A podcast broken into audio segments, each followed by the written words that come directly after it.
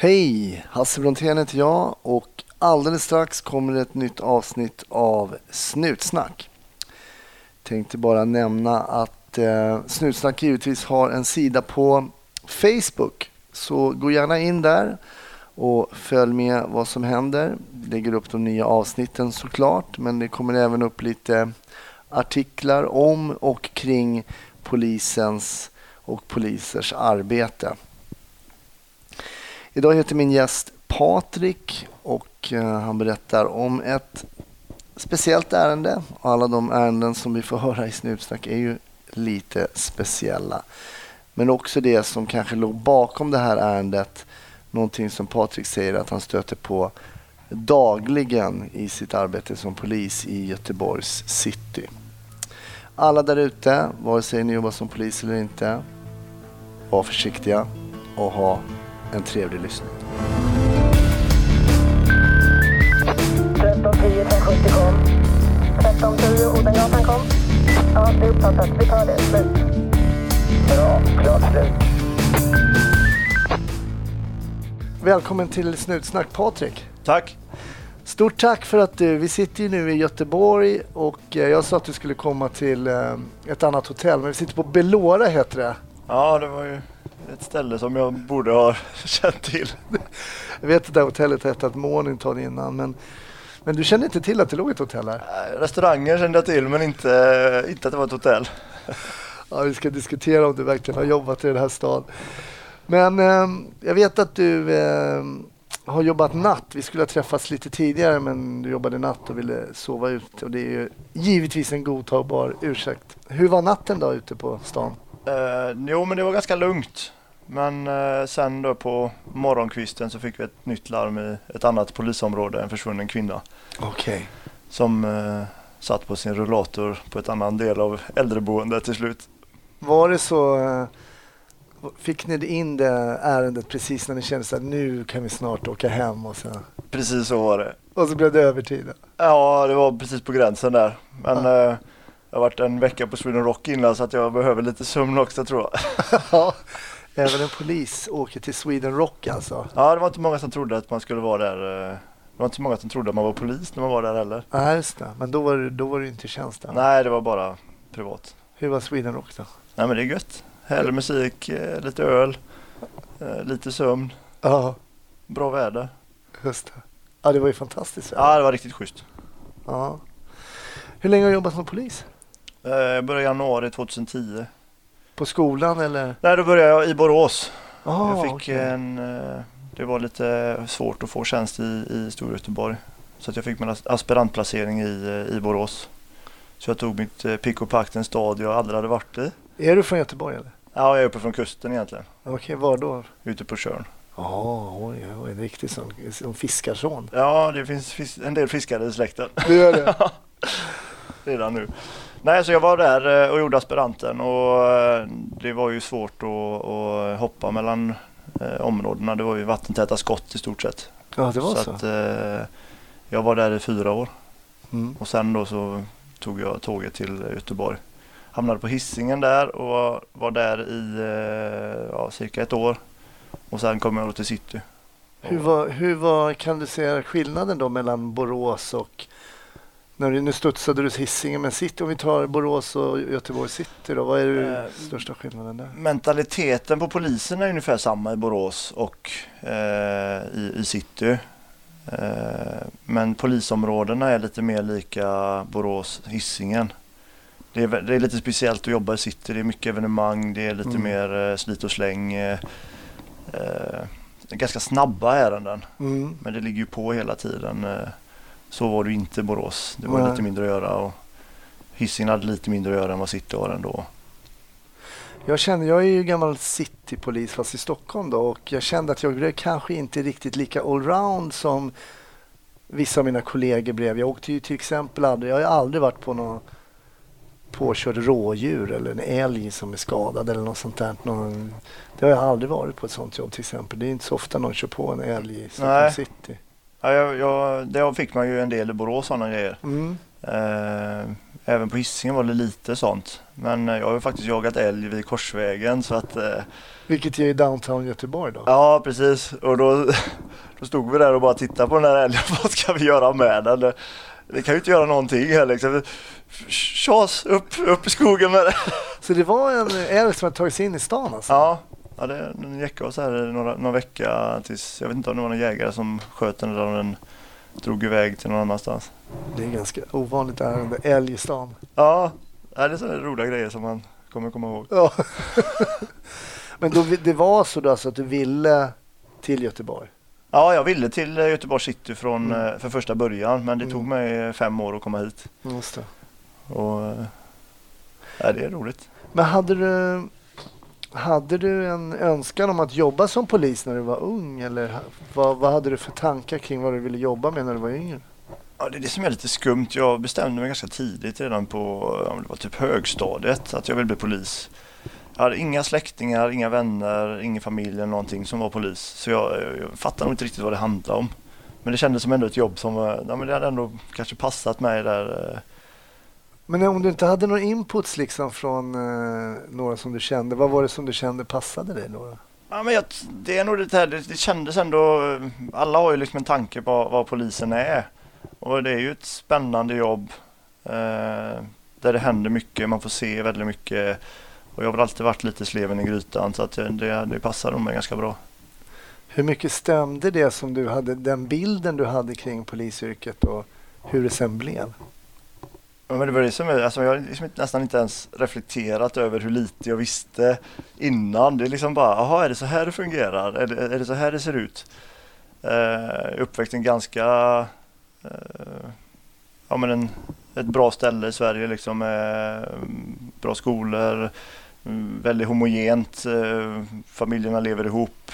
Eh, och så kommer man till den här världen då och får se, alltså egentligen andra sidan av Sverige. Av Sverige. Mm. Det är en... Eh, ja, den, den, det kan ta tufft alltså. Mm. Om man inte är riktigt beredd på det. Och det var kanske inte jag. Men jag har nog ändå hanterat det eh, helt okej. Eller bra. Mm.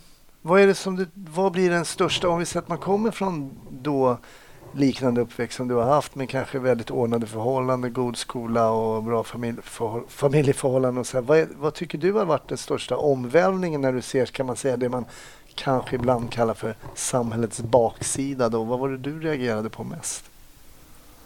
Ja du. Ja, men det blir den här kontrasten liksom att man hade liksom inte sett det. Man hade någon kompis som rökte braj någon gång eh, eller någon skolkompis som gjorde det och så ser man i den här man uppskattar det man har mycket mer. Man uppskattar sin familj mer. Eh, man eh, åker gärna och, besöker morsan och farsan, eh, kanske hellre än kompisar emellanåt. Man uppskattar familjen mer och de nära och kära. Mm. När man ser de här kontrasterna. Ja. Sen är det ju, det är ju en... Fler skulle få se den, den delen av, av Sverige för det, det är ju ingen, det är ingen vacker värld, Nej. just den. Och tyvärr blir man ju ganska färgad som polis. Det är en hård värld, det är mycket skit och det gör ju så att man blir ganska hård som människa.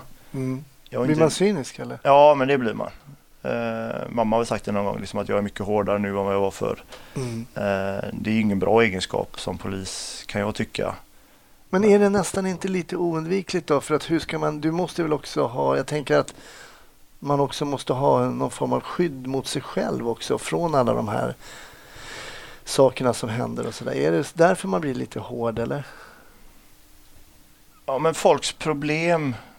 Alltså man, man ställer ju folks problem i paritet mot andras problem och man har ju sett de som verkligen har problem. Mm. Och så kommer det någon här som ringer polisen som egentligen inte har något problem men som kanske är ett jätteproblem för den personen. Mm. Och där blir man ju, där, där kan man ju bli nästan lite otrevlig ibland. För man tycker, varför har du ringt polisen på det här? Det här är ju ingenting som polis ska göra men det får du lösa själv liksom. Mm. Eh, Men din, du säger att din mamma märker att du har förändrats lite grann. Men kan du märka själv att du har förändrats? Ja, men det kan jag nog göra. När jag var lite yngre jag kunde, jag var ganska blåögd. Jag litar på människor. Eh, jag blev lite blåst här och där. Så att, men då tyckte jag väl att nej, men det kan vara helt okej att bli, eh, det gör inget liksom.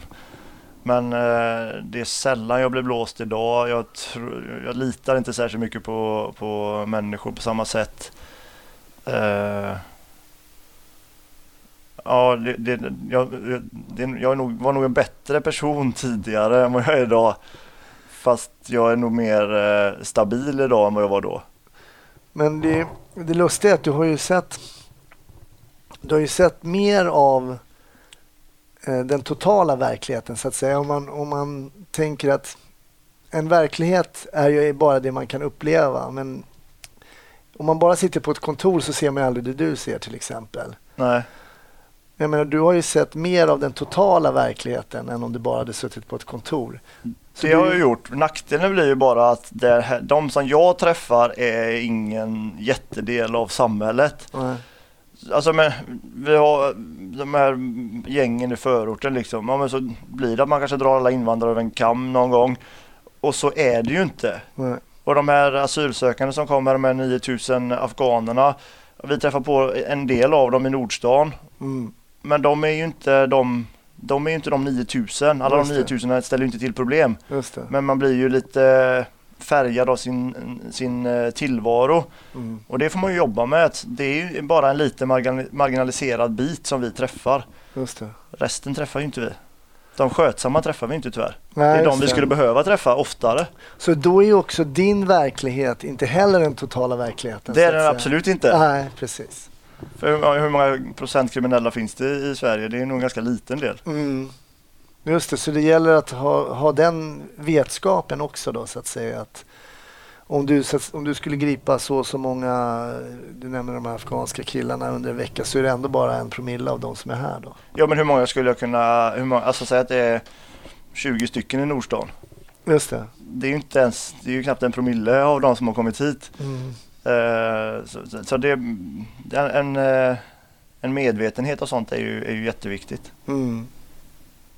Är det något som du känner att du behöver jobba med eller liksom? Jo men det, det, det behöver vi nog göra alla poliser. Eh, eh, Det har väl alltid varit de som är i samhället som har det svåra som begår brott. Och eh, det är inte superlätt att växa upp i de här områdena med, när vi bara, vi bara placerar människor där och så ger vi dem lite bidrag. Det är klart att inte det ger några större förutsättningar för dem att klara sig. Nej. Och det blir så det blir sådana stora klyftor här liksom. Men det är mycket stölder på jackor och, och mobiltelefoner. Alltså kapitalprylar här i, i stan. Och det, Mm. det är ju en, en, en dröm om att få sådana kläder. Och det är ju det är deras enda sätt att få de kläderna. Just det. Eller prylarna. Hur blir du bemött då som polis? När du kommer och de här som har snott Det beror helt på hur jag bemöter folk. Ja, Är jag inte särskilt trevlig så är de inte så trevliga mot mig heller. Men det är ju, som, eh, det är ju så det alltid fungerar. mm. Men är man en, en schysst eh, snubbe liksom, då är det ju aldrig några problem. Finns det någon gräns för hur länge man kan vara schysst då? Alltså jag menar, jag tänker verbal såklart. Liksom, eller, Ja, Småaktig behöver man inte bli. nej. Det är ju onödigt. Men eh, jag kan vara schysst eh, och ge någon chans. Men eh, jag är ju inte den som står där och, och, och ber. De, folk får en chans att följa med. Kanske en och en halv. Sen tar jag med folk. Ja. Hur tycker du att folk liksom lyder dig då som polis eller polisen i allmänhet när man kommer till olika platser och sådär? Jag har nog inga större problem med att få, folk att göra det jag, det jag vill Nej. med dem. Det, Så det finns ändå en viss liksom, respekt när ni kommer ut och man lyssnar när polisen kommer. Ibland kan man få en bild av att kanske inte är riktigt så, men det kanske är fel. alltså den, respekten har väl blivit, alltså folk är mer ifrågasättande. Mm. Men när det väl... Eh, jag tycker ändå inte att folk lägger sig i så mycket ändå som man kanske förväntar sig att folk ska göra. Mm. Eh, det är klart att det sker, särskilt då när folk är fulla ute på Avenyn. Det, då eh, blir det ju eh, mycket åskådare på, på ingripanden. Och, Mm.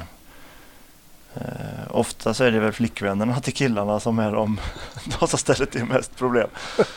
eh, Jag vet Ja. inte vad det är. Killarna brukar acceptera att de blir eh, haffade medan tjejerna inte tycker att det är så. De accepterar inte riktigt det. En grov Ja. generalisering. Ja, ja, precis. Men jag får upp roliga bilder också när det har varit så. Men hur ser du då en sån här lördag natt? För man vet ju, är det inte så när du åker ut och ska jobba en hel eh, lördag natt i Göteborg city så vet du ungefär väl hur det kommer bli att när krogarna stänger så blir det lite stök och det är Ja. viktigt att ni finns i krokarna och du vet det kanske blir någon pojkvän där då som är överförfriskad och Vi har ju alltid en, en, en insats varje fredag och lördag som eh, en helgförstärkning mm, okej. där vi jobbar dubbla turlag och eh, en, ett av turlagen är liksom placerade på i, i nöjesstråken liksom. Både i, här på Avenyn och på eh, långgatorna. Eh, och det är ju för den här alkoholen är ju inte särskilt bra för människor. De har Nej, inte sina ljusaste stunder. Eh. nej, precis. Men hur, hur känner du för en sån natt och för sådana nattpass? Hur känner du? För Ja, men jag, det som är så konstigt, eh, det är väl därför jag har hamnat i city. Alla, man pratar med kollegor i ytterområdena, de bara usch city, nej det är bara kavajfyllon och, och så här liksom. Mm. Eh, men jag tycker det här med ordningshållning är ganska roligt. Det är väl lite hjärndött men eh, att göra det smidigt och, och lösa det, det är, det är en liten konst i sig ändå. Men jag, jag tycker de är väldigt trevliga de passen. Ja. Och särskilt om man kan få göra kanske någon eh, eh, något litet evenemang på förkvällen och så går man in och kör eh, krogen på, eh, på eftermiddag eller på natten då lite senare. Det är ju det absolut bästa.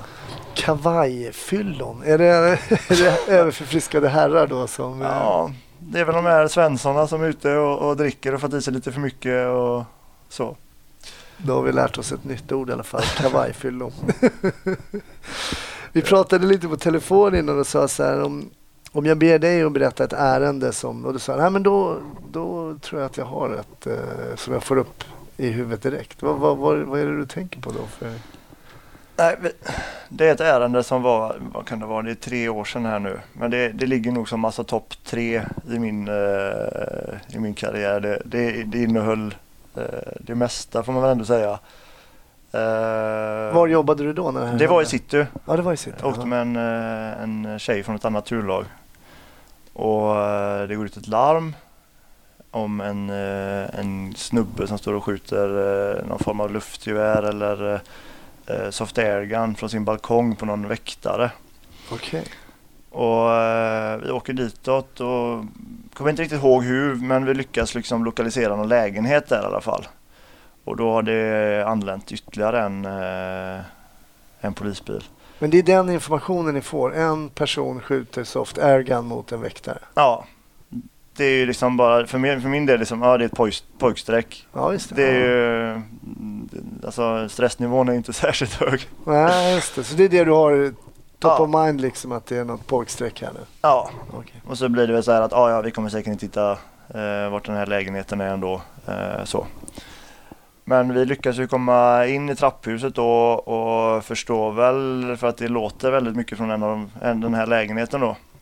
Mm. Och vi eh, knackar på dörren och eh, det är ju en person där inne som gapar och skriker. Vi hör inte riktigt vad han säger men han vägrar öppna dörren. Verkar det vara en ensam person där inne eller? Ja det vet vi inte riktigt. Nej. Men eh, det, ja, det framgår liksom inte riktigt så. Men eh, ja, vi tror väl att det kanske bara är en. Mm. Men det kan ju vara fler ändå. Men eh, vi knackar ju på där och, och ropar lite i, i eh, brevinkastet för att, för att få liksom lite uppmärksamhet. Eh, vi får väl inte det. Och, vi förstår väl lite sen att kanske den här personen mår nog inte så himla bra. Eh, verkar lite psykotisk, eh, pratar för sig själv, eh, skriker. Eh, så vi beslutar väl oss för att, att eh, gå in i den här lägenheten. Eh, vi, I- När ni säger så, här, vi varför beslutar ni för att gå in då? Är det för att ni alltså vi vill... tror att någon, inte, alltså någon, är, någon är sjuk där inne. Liksom. Ja, det är polislagens 21 paragraf då om det är någon som eh, antas i behov av en hjälp då så är det någon liten form av nödparagraf då som vi kan bereda oss tillträde då till. Eh, Och det får en polisman besluta då? ja precis. Så vi är upp med kofötter där och börjar väl bryta lite i dörren där. Den är inte så jättebra kvalitet. Men då, då hör vi lite hur, hur, det, hur, hur det klingas i, i dörren. Då står han där inne med en stor kökskniv och står och gör utfall mot den här, kök, den här lägenhetsdörren. Eh, Men förstod ni det? Nej, det gjorde vi kanske inte just då. Eh, Men vi, vi bröt ju upp den här dörren så att karmen och allting bara blev fliser. Eh, Så där stod vi med den här dörren som vi inte egentligen kunde låsa då. Vi höll bara emot. Och eh, tittar väl in lite snabbt och ser en man där inne med som står inne i, eh, i vardagsrummet som är, det är som en liten hall och sen är det vardagsrum så han står en bit in. Står han med en stor kökskniv där då. Då förstår vi att det är kökskniven han har slagit mot eh, och han har väl mer eller mindre sagt att han ska döda oss om vi kommer in. Okej. Eh, så där står han och, och då blir det lite, vad ska vi göra nu? Mm. Eh, vi har bara en dörr här som vi inte kan eh, stänga. Han, är kniv, han har kniv och är allmänt tokig. Eh, Vad var det för ålder på den här personen? Visste ni det? han är, jag kan beskriva honom, han har ett jätteskägg. Han ser ungefär ut som eh, Jafar i Aladdin när han sitter i fängelsehålan. Okej. Sån här gammal gubbe liksom med militär eh, jacka på sig. En riktig tok. Eh, och han har en hund där inne också som är lite, lite halvrädd så här. Men vi står där i dörröppningen och liksom, vad ska vi göra? Ska vi lösa det själva eller ska vi ha dit eh, piketen och förhandlare? Och man jobbar ju lite för att få eh, lite adrenalin emellanåt. Så att det är inte jätteroligt att lämna bort ärendet till piketen för då åker man ju bara på de här snattarna och alltså fyllon som ligger. Det är ju lite roligt. Alltså vi har ju kunskaper om hur vi ska gripa farliga personer. Mm. Sen så är det klart att piketen och och de här insatsstyrkorna de är ju de är experter på det. Men vi är ju inte helt okunniga, vi vanliga poliser heller. Nej. Så vi gav väl det ett eh, försök där att vi skulle, ja, vi ska ha honom. Eh, så vi, eh, jag tog ett halvsteg in där och, och eh, sprutade lite pepparspray på han. Fick en direktträff, hela burken i stort sett ansiktet på han och han reagerade inte ens. Ingenting? Ingenting. Det han bara han, vet du det, tar av med handen i ansiktet och sen liksom bara fortsätter han att vara så tokig. Så vi, eh, vi tömmer ytterligare två burkar och får ingen effekt eh, mer än på oss själva då. Vi står där och hostar och, och Har så. ni fått tillbaks lite liksom? Ja men det ligger blir- ju liksom i, i rummet Rum. där och det, det gör det på en burk liksom. Så när du har tre burkar så är det ju lite- Han reagerar ingenting? Ingenting. Och det, det var, då får man så lite tankeställare. Jaha, vad ska vi göra nu då? Jag tänker inte gå in där. Jag behöver inte skjuta honom för han står ju liksom på ett behörigt, behörigt avstånd. Men jag har ju pistolen uppe ifall han skulle få för sig att rusa. Men vi börjar kommendera honom. Då verkar det precis som att han eh, på kommendering då svarar han lite granna. Mm. Eh, lite så här militäriskt. Eh, Lite ordergivning? Ja men lite ordergivning på honom. Då, då liksom till slut då så får vi han till att, kasta kniven liksom då in mot en soffa där. Men eh, han är fortfarande tokig och vi vet ju inte vad han har där inne. Vi har ju liksom inte kommit in i lägenheten än. Eh, och när vi- börjar liksom röra oss lite inåt där och då, då tar han fram en stort skohorn, sån metall. Då börjar han hugga med den, liksom svinga. Så vi är ut igen där lite grann och eh, till slut så slänger han den med. Och då går han ut på balkongen på sin lägenhet. Okej. Hur högt upp är ni? Eh, tredje våningen typ. Mm. Så vi rusar in i lägenheten och låser ut han, på, alltså håller dörren så att han liksom bara är, han, han är ju med sin hund Mm. på balkongen och vi har låst ut honom där. Okej. Eh, då drar man ju till sig lite uppmärksamhet för han är ju inte timid utan han står där och gapar och skriker så att varenda gran, granne i området hör väl det. Så att där kan vi liksom pausa lite då och se vad han har i lägenheten, eh, om han har mer vapen och vi har ju kontroll på när han är ute i eh, eh, där ute då. Och vi försöker ju då, vi öppnar dörren ibland liksom för att få, få in honom lite mot väggen, mitt emot dörren. För när vi öppnade den så vackade han typ till och så gick det bak. Men till slut fick vi tag i hunden då. Så fick vi, vi fick in den i lägenheten. Uh, och det här liksom hela, allting går, det går inte så fort. Det tar ganska lång tid allting. För vi vill ju Hur liksom lång inte, tid har ni hållit på här nu ungefär? Ja men alltså innan han har kommit ut där så har vi säkert hållit på en halvtimme. Många gånger så är ju polisingripande, de är ju, de är ju över på bara några sekunder liksom Mm. och så är det ju färdigt och lugnt. Mm. Men det var liksom, det sträckte sig så långt och du vet när han kom ut där så var han kanske på, då ropade vi upp på lite fler kollegor och, och så här. Eh, Hade ni kunnat... Det fanns ett läge där i början när ni vad hade hänt om ni hade backat ut helt? Och då hade han kunnat härja vidare i trappuppgången då på något sätt? Ja, det hade han kunnat gjort det, men dörren var ju trasig. Just det, så ni ville Eh. säkra liksom folk från honom och vapen och sådär? Ja, han har ändå visat att han, han skjuter ju på väktare med, med det han har. Han, han är ju så psykotisk den här mannen. Det går liksom inte att prata med honom. Han är ju i en helt annan värld. Så han, det är ju en livsfarlig person att, släppa. Och när vi väl har honom under uppsikt, då har vi i alla fall lite kontroll över honom. Mm. Då vet vi i alla fall vad han är. Skulle vi stänga dörren igen så vet vi inte vad han är. Nej. Och då kan jag få för sig, eh, ja, gud vet vad. Mm. Men nu är han fortfarande på balkongen då när jag fått in hunden? Ja, precis. Och han är ju arg där och, och eh, gapar och skriker. Men, eh, och då har det kommit lite fler eh, kollegor.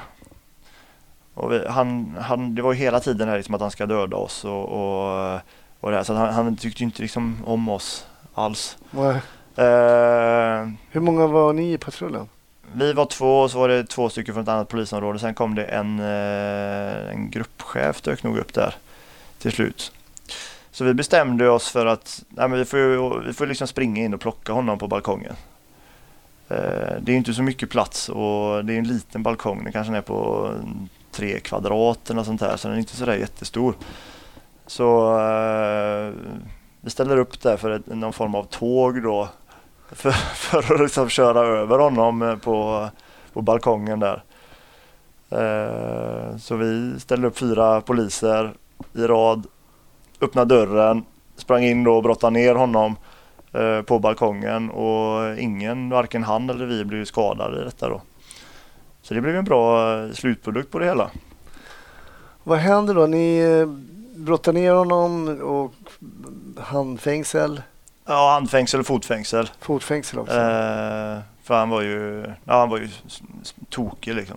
Och då har vi redan, eh, vi har ju mer eller mindre fått beslut om en LPT 47 då. Det är att han ska upp för en vårdbedömning till eh, den psykiatriska avdelningen på Östra sjukhuset. Just då, LPT, psykiatrisk eh, tvångsvård då? Ja, precis. Om man, just det. Eh, och eh, det blev ju inte så där. Vi skrev ju till slut en anmälan på det här med framkallande av fara för annan då när han sköt eh, eh, mot de här väktarna. Men jag skrev ju aldrig något olaga hot att han hotade att man skulle döda mig för alltså han menar ju inte, han menar ju inte det liksom att han stod med kniven där. Ja men han kunde inte göra så mycket med den för att han hade aldrig kunnat komma fram till mig. Men skulle du säga att det var tydligt här att han var sjuk? Ja, ja, ja. ja det, det är helt uteslutet att det skulle kunna vara någonting annat. Mm. Eh, ja, möjligtvis kanske påtänd av någonting eh, men de går ju lite, med narkomanerna liksom, de har lite psykiska åkommor som skulle kunna men det var, det var ganska uppenbart att han var Var det ni som körde upp honom till eh, sjukhuset? eh, Nej, det var en annan patrull som kom och körde upp honom dit. Mm. Vi kände att det, var, det räckte där för vår del. Ja, just Vi det. slog in och skriva lite på det här och så. Hur är det här då? Alltså, jag menar, tänker på personer då som, ehm, som lider av psykisk ohälsa här. Hur, vad har man fått för utbildning kring det på skolan och sådär? Man, man har fått en, en ganska alltså en en relevant utbildning kan jag tycka. Eh, den kanske skulle kunna varit lite längre med tanke på hur dåligt människor mår i det här landet. Mm. Eh, sen så är ju faktiskt verkligheten bättre eller värre hur man ska se det än vad det var på skolan. Man tyckte liksom på skolan att de överdriver Mm. lärarna när de spelar. Eller de här, eh, vi, hade ju lär, eh, vi hade ju vå- vårdare från Sankt Sig- Sigfrid i Växjö som kom och, och hjälpte oss på övningar och grejer. Som skådespelare? Som skådespelare då liksom, jätteduktiga men vi tänkte ja, ja de överdriver liksom. Men eh, det, de underdrev, verkligheten är så eh, den är så absurd många gånger så att det eh, Nej, men det, det är en relevant utbildning men den kanske skulle varit lite längre. Hur ofta stöter du på i ditt yrke folk som, där du misstänker att det finns psykisk ohälsa i med i bilden? Varje dag. Är det så? Ja, jag skulle säga det. Mer eller mindre. Ja, i stort sett varje pass. Är det så? Ja, folk mår jättedåligt. Senast i, i natt här så hade vi två stycken som vi eh, med psykisk ohälsa. Liksom. Mm. Och vad kan det vara som folk, vad, vad kan det vara då som i natt till exempel? Ja, ne- mycket nedstämdhet, folk som inte mår bra, eh, tar tabletter, vill ta livet av sig är ju en stor del. Men sen är det ju de här som är lite psykotiska och hör röster och, och eh, lite, m- även de maniska personerna som Mm.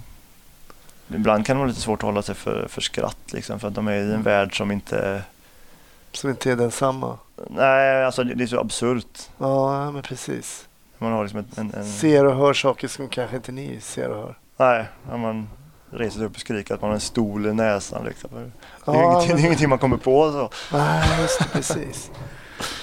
Vad tror du? Jag menar, det finns ju en svårighet. Jag kommer också ihåg vi hade ett ärende där han, han hade frukter och så som var hans vänner och, Ja. och han ville ta med sina kompisar och sådär någon paprika som hette. Som hette så. Och det är, ju, det är ju väldigt absurt när Ja. man inte är inne i den här världen. Ja. Vad, hur ska man bemöta de här personerna? Vad, vad, Ja, men man får ju säga att det de, inte, det de ser är liksom inte, inte sant. Eh, det kan ju vara lite svårt ibland. Eh, för husfridens skull så kanske det är lika bra att ta med sig den här paprikan eh, Mm. till, till sjukhuset så får läkaren göra en bedömning där. mm. Eh, de är ju ändå proffs på det. Vi, vi är ju mer säger, en glad amatör i den här världen. Just det. Men ändå ganska duktiga på att kunna identifiera att det är någonting som ändå är fel. Mm. Men vi kanske inte kan, alltid kan sätta foten på vad det är som är fel. Just det. För jag kommer ihåg, jag, kommer faktiskt ihåg eh, min utbildning på polisskolan. Då, hade vi, då pratade vi om liksom psykisk ohälsa. Då, då var det en, att jag kommer ihåg det nu är lite märkligt, men då var det en lärare som, det här med kanske man ser eller hallucinerar eller Ja. sådär. Om någon till exempel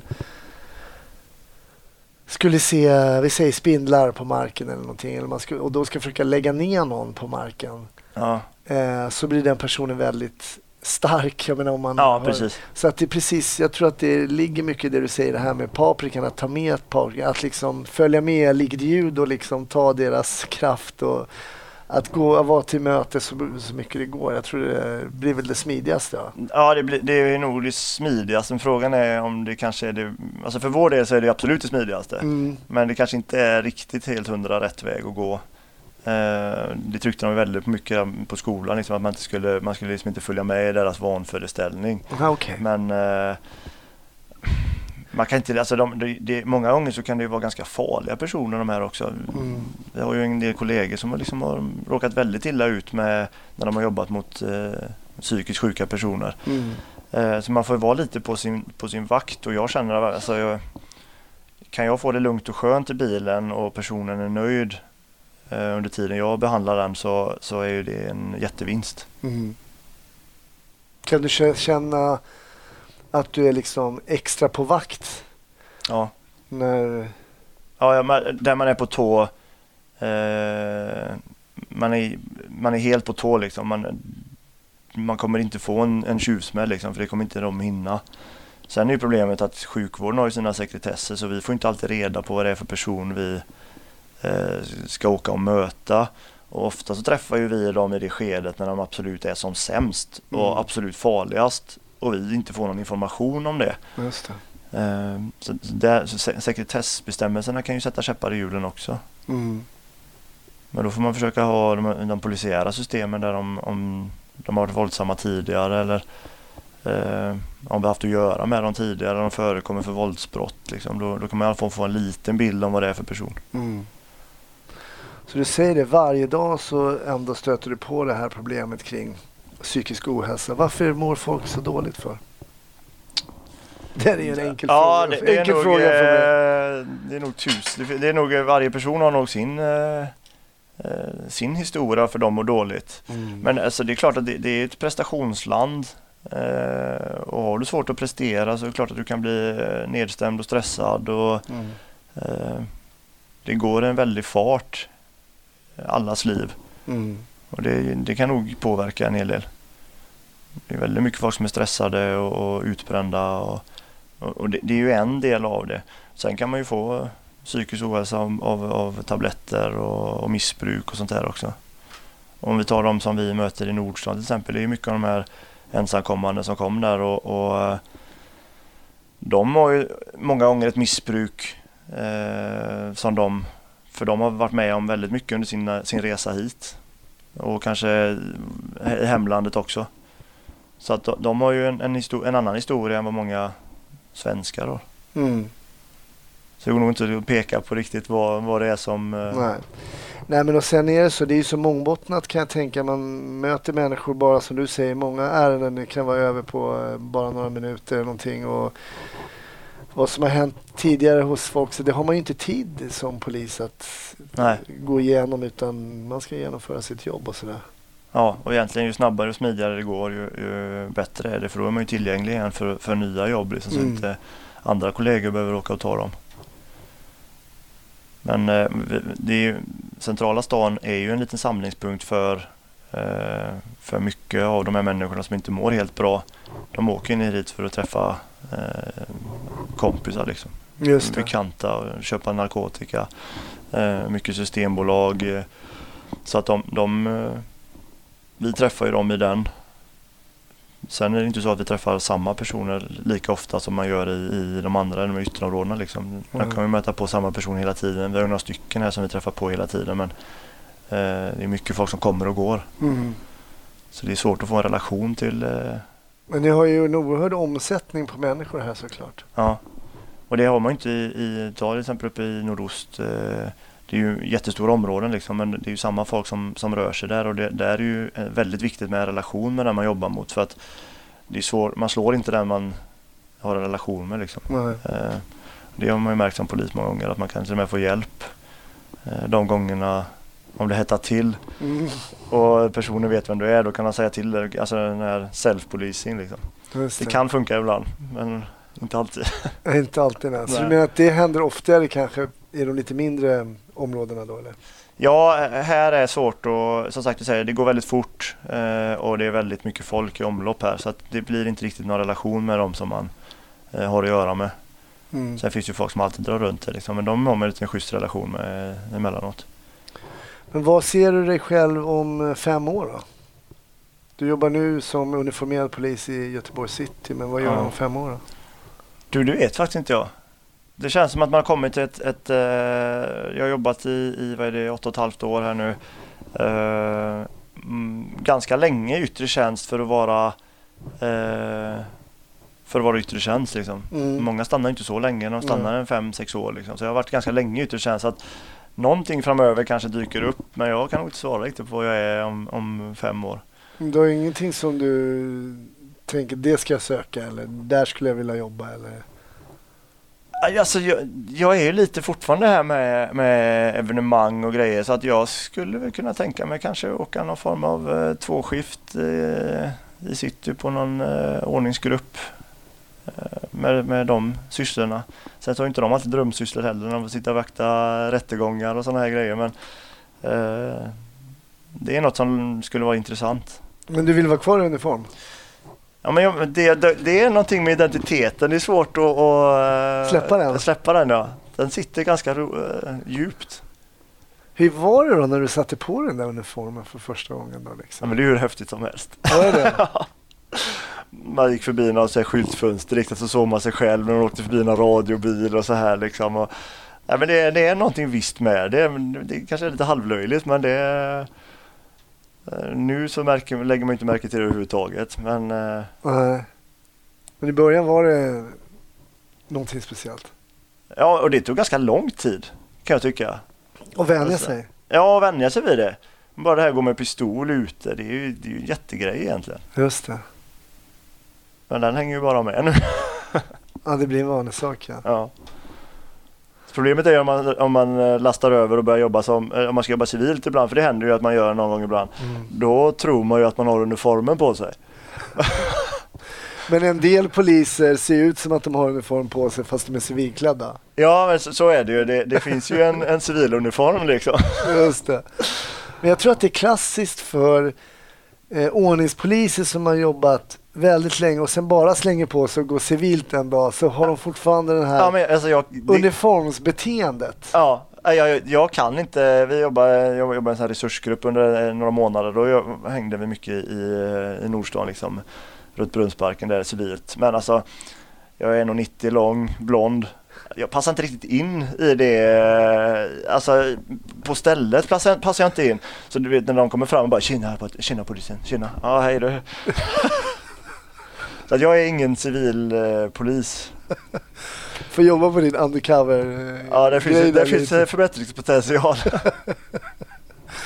Ja, precis. Man, eh, det kanske inte alltid är lättast, men ibland ser man ju då poliser, även om de kanske inte är helt blonda, de har liksom en foträta skor och en Ja. Gore-Tex-jacka och någonting som täcker liksom det som ska täckas. Ja, just det, med sidoficka och grejer. Så att ja, ibland går det att upptäcka dem fast de har civila kläder. Ja. Men eh, hur är det, eh, kollar du något på polisfilmer? Eh, svenska eller engelska? Ah, eller? men rent allmänt. Ja men det, det får jag ändå säga att jag gör. Eh, men det är ju bara film för min, alltså det har ingenting med mitt jobb att göra egentligen. Nej, det är helt, du, ja precis. Alltså det är ju så, det är så långt ifrån verkligheten. så det går inte att komma mycket längre ifrån verkligheten än vad det är. Just. Särskilt över Beck där liksom när, när eh, Beck och Gunvald springer före insatsstyrkan liksom i inbrytningen. De är utredare, de är inte ens på plats. Nej, det är, ju, det är väl en av de största. De, de, är inte, in- de är inte ens på plats egentligen i Nej, verkligheten. ja, det är inte säkert att de har vapen. Nej, precis. Ja. Nej, det är klart, det är ju väldigt, väldigt overkligt. Men det skulle ju också bli väldigt, väldigt tråkigt om man filmade verkligheten. Ja men det är mycket så här liksom, det är ju ett jobb det här. Mm. Eh, ja, visst, filmar du ett av ingripande så klart det kan vara rock'n'roll. Mm. Eh, men, men överlag så är det ju liksom, det är ju bara det är ju samtal mellan människor och, och ja, informationsinhämtning egentligen. Mm. Väldigt oglamoröst många gånger. Mm. Men när du kollar på de här svenska filmerna då, är det så att du bara, åh, pallar inte kolla? Eller kan du bara, Nej, men jag kan tycka att det kan vara spännande så här, men de är ju duktiga filmskaparna på att göra, för att skapa spänning i det hela. Sen så, de är, alltså det är inte polis, eh, det är liksom, har ingenting med polisen att göra men det är, det är en schysst film liksom. ja okej, du kan koppla bort ditt Ja. jobb liksom. Ja, men det kan jag göra. Sen brukar jag inte kolla på de här, eh, eh, menar de här 112 poliser och Nej, just Ja, det. men det är, min, det är min vardag liksom. Jag, jag ser det varje dag så att jag behöver inte Nej, just det. De här dokumentärgrejerna. då. Ja, just det. De här Stockholmspolisen skulle jag vilja se. Men jag, jag får liksom inte ro till att sätta mig ner och titta på det. Nej. De har fått väldigt bra eh, kritik. Kanske lite som en bagare ska sitta och kolla på så här, Hela Sverige bakar eller någonting. Alltså det blir kanske Ja lite... men det är nog så. Sen så vet man ju om att det, det är ju program som folk gillar. Eh, polisen berör. Det finns extremt mycket människor som är, som är intresserade. Mm. Som inte ens får en... Som, det har ju aldrig tidigare varit en inblick i Nej. polisen. Medan nu då så är det ju jättemycket poliser på sociala medier, på Mm. Twitter, Instagram. Eh, det är de här tv-programmen. Så, så nu har ju folk liksom en... Vad är, vem är polisen? Ja, även din, eh, din podd liksom. Mm. Nej, så precis. folk fattar vem det, vem det här är. Jag tycker det är bra för att mm, överlag så är det extremt bra människor Mm. som gör precis allt de kan för att göra det bra för andra. Så det är bra att de lyfts lite. Absolut, jag kan hålla med om det. Och det är väl lite den bilden jag... När jag tittar och ser media som före detta polis som har jobbat många år som polis. Att den bilden man delar med sig ibland är inte helt rättvis. Det är klart att det finns människor som är douchebags som jobbar som Ja. poliser och de ska vi givetvis inte ha som poliser. De Nej. ska vi upptäcka och avskeda såklart. Eh, men annars så är ju, är ju precis som du säger, det är ju grannen liksom som är, är Ja. polis. Sen så får man ju sköta sig privat också liksom. Men det är, väl- det är ju inga konstigheter. Nej. Men det kanske du hade gjort ändå? Ja, ja antagligen hade jag gjort det. Mm. Eh, Men favorit eh, polisrulle då? Eller har du någon serie eller någonting som du kollar på? eh, Som är, poli- det som är polisiärt? Ja, jag är nog inte... Alltså jag, jag kan tycka lite att de här liksom, alltså, amerikanska eh, lite sån här actionkomedi kan vara att de är som Bad Boys och de här kan ju vara lite halvunderhållande emellanåt Mm. och Dödligt vapen. Lite åt det hållet kan jag tycka är lite eh, så här. Men jag kan ändå tycka att ja, de här Johan Falk-filmerna kan vara eh, rätt underhållande. De är spännande och, Mm. och så här. Mm. Eh, Men inte så att jag har det som min, min, eh, min favoritfilm så. Nej.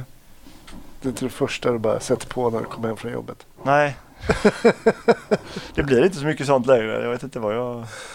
Nej, men man, det är väl så att man kanske påverkas av sitt yrke. Och, Ja. Jo, det, det gör man i allra högsta grad. Kan jag tycka. Men vad gör du på fritiden om du inte kollar på film då?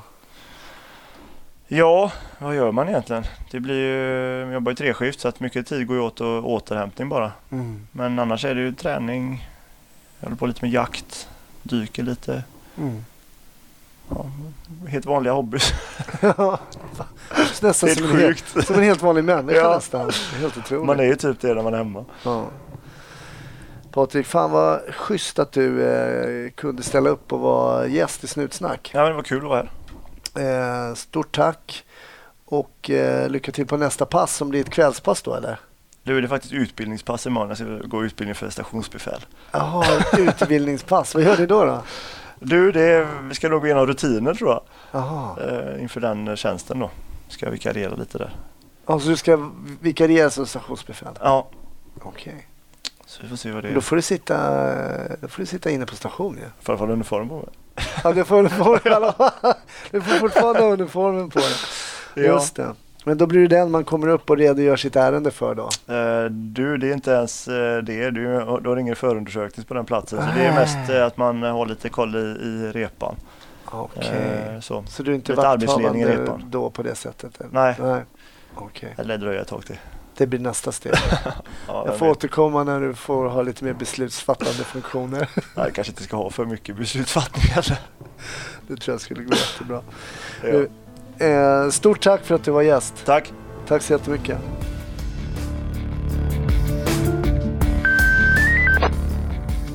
Stort tack för att du har lyssnat på ännu ett avsnitt av podden Snutsnack. Som sagt, Snutsnack finns på Facebook och det gör även jag. Jag finns också på de andra sociala medierna som Instagram och Twitter under mitt eget namn, Hasse Brontén. Ha en fantastisk vecka så hörs vi nästa. Ha det bra.